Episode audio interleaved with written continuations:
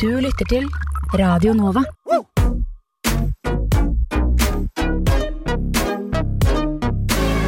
Radio Nova. Studentradioen i Oslo. Radio Nova. Ja. Hva? Nova? Ja. Det er fortsatt krig i Ukraina, eh, og det har ført til en rekke sanksjoner mot Russland. Men det er ikke alle som kan legge ned økonomiske sanksjoner mot landet, Emma. Nei, um... Ja, for vi, eh, vi skal jo nå snakke om Netflix. Eh, Og Netflix de har jo gjort noe helt spesielt.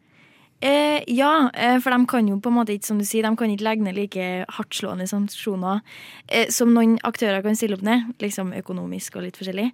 Um, men de har fjerna alle russiske serier fra nettsida si, så det er jo en start. Ja, det er tross alt en start, ja. Eh, Men fungerer fortsatt eh, Netflix i Russland, Emma? Eh, det fungerer, ja, eh, og det er jo en del som jeg er litt misfornøyd med. Men det er jo litt historie bak og litt forskjellige grunner til det, så mm. Ja, ja, for du har satt deg inn i akkurat det her. Og vi gleder oss til å høre hva denne saken, eh, hvordan denne saken utarbeider seg. Russlands invasjon av Ukraina gjør det stadig vanskeligere for den russiske befolkninga å finne digital underholdning. Disney, Warner Brothers og Sony Pictures er noen av aktørene som har bestemt seg for å sette pause på visningene av filmene sine. Netflix følger nå etter. Det har vært sterke reaksjoner på Netflix sin nøytralitet i forrige uke. Hashtagger på Twitter som eh, Netflix supporting Russia og cancel Netflix har florert med forventninger om at Netflix skal velge side i Ukraina- og Russland-konflikten. Reaksjonene kom pga.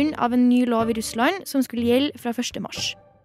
Loven, kalt Vitrina TV Law, er oppkalt etter en lokal russisk kanal og sier at Netflix må sende 20 forskjellige russiske kanaler.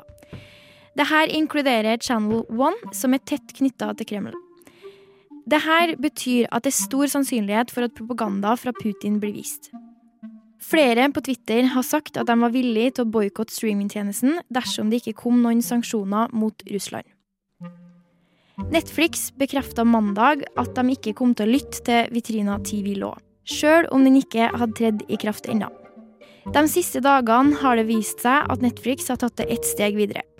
De har satt en momentan pause på russiskproduserte serier som tidligere har vært tilgjengelig for streaming, og i Russland. Det betyr at tre serier blir avvikla, og et pågående prosjekt blir midlertidig stansa. Går man inn på Netflix og søker opp en av de her seriene, så kommer det opp en enkel, grå, skyggete firkant med en enkel, tynn font, der tittel og bilde vanligvis stråler frem i oppsiktsvekkende farger.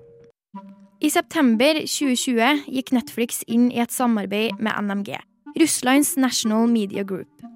Netflix har altså de to siste årene prøvd å utvide sitt publikum i Russland ved å være tilgjengelig med russisk teksting, eh, lokale betalingsmidler og lokale filmer. NMG eier også nesten 20% av den tidligere nevnte Channel One, altså den russiske kanalen tett knytta til Kreml, og har finansiert en av de russiske produksjonene til Netflix. Det som kan skje videre, er at Netflix får bot eller blir utestengt fra Russland.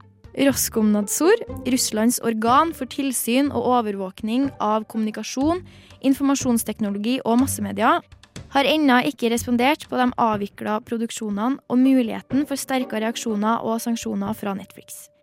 Dette gjør det spennende å se hvordan sanksjonene blir tatt imot, og hvordan økonomien til Netflix kan bli påvirka av dette. Netflix står igjen med et valg mellom å miste subskripsjoner i Vesten, eller om mulig miste finansiering fra NMG. Vi i Opplysningen skal følge nøye med videre. Medvirkende i denne saken var Emma Nordsteinen, og lyden var hentet fra session.blue.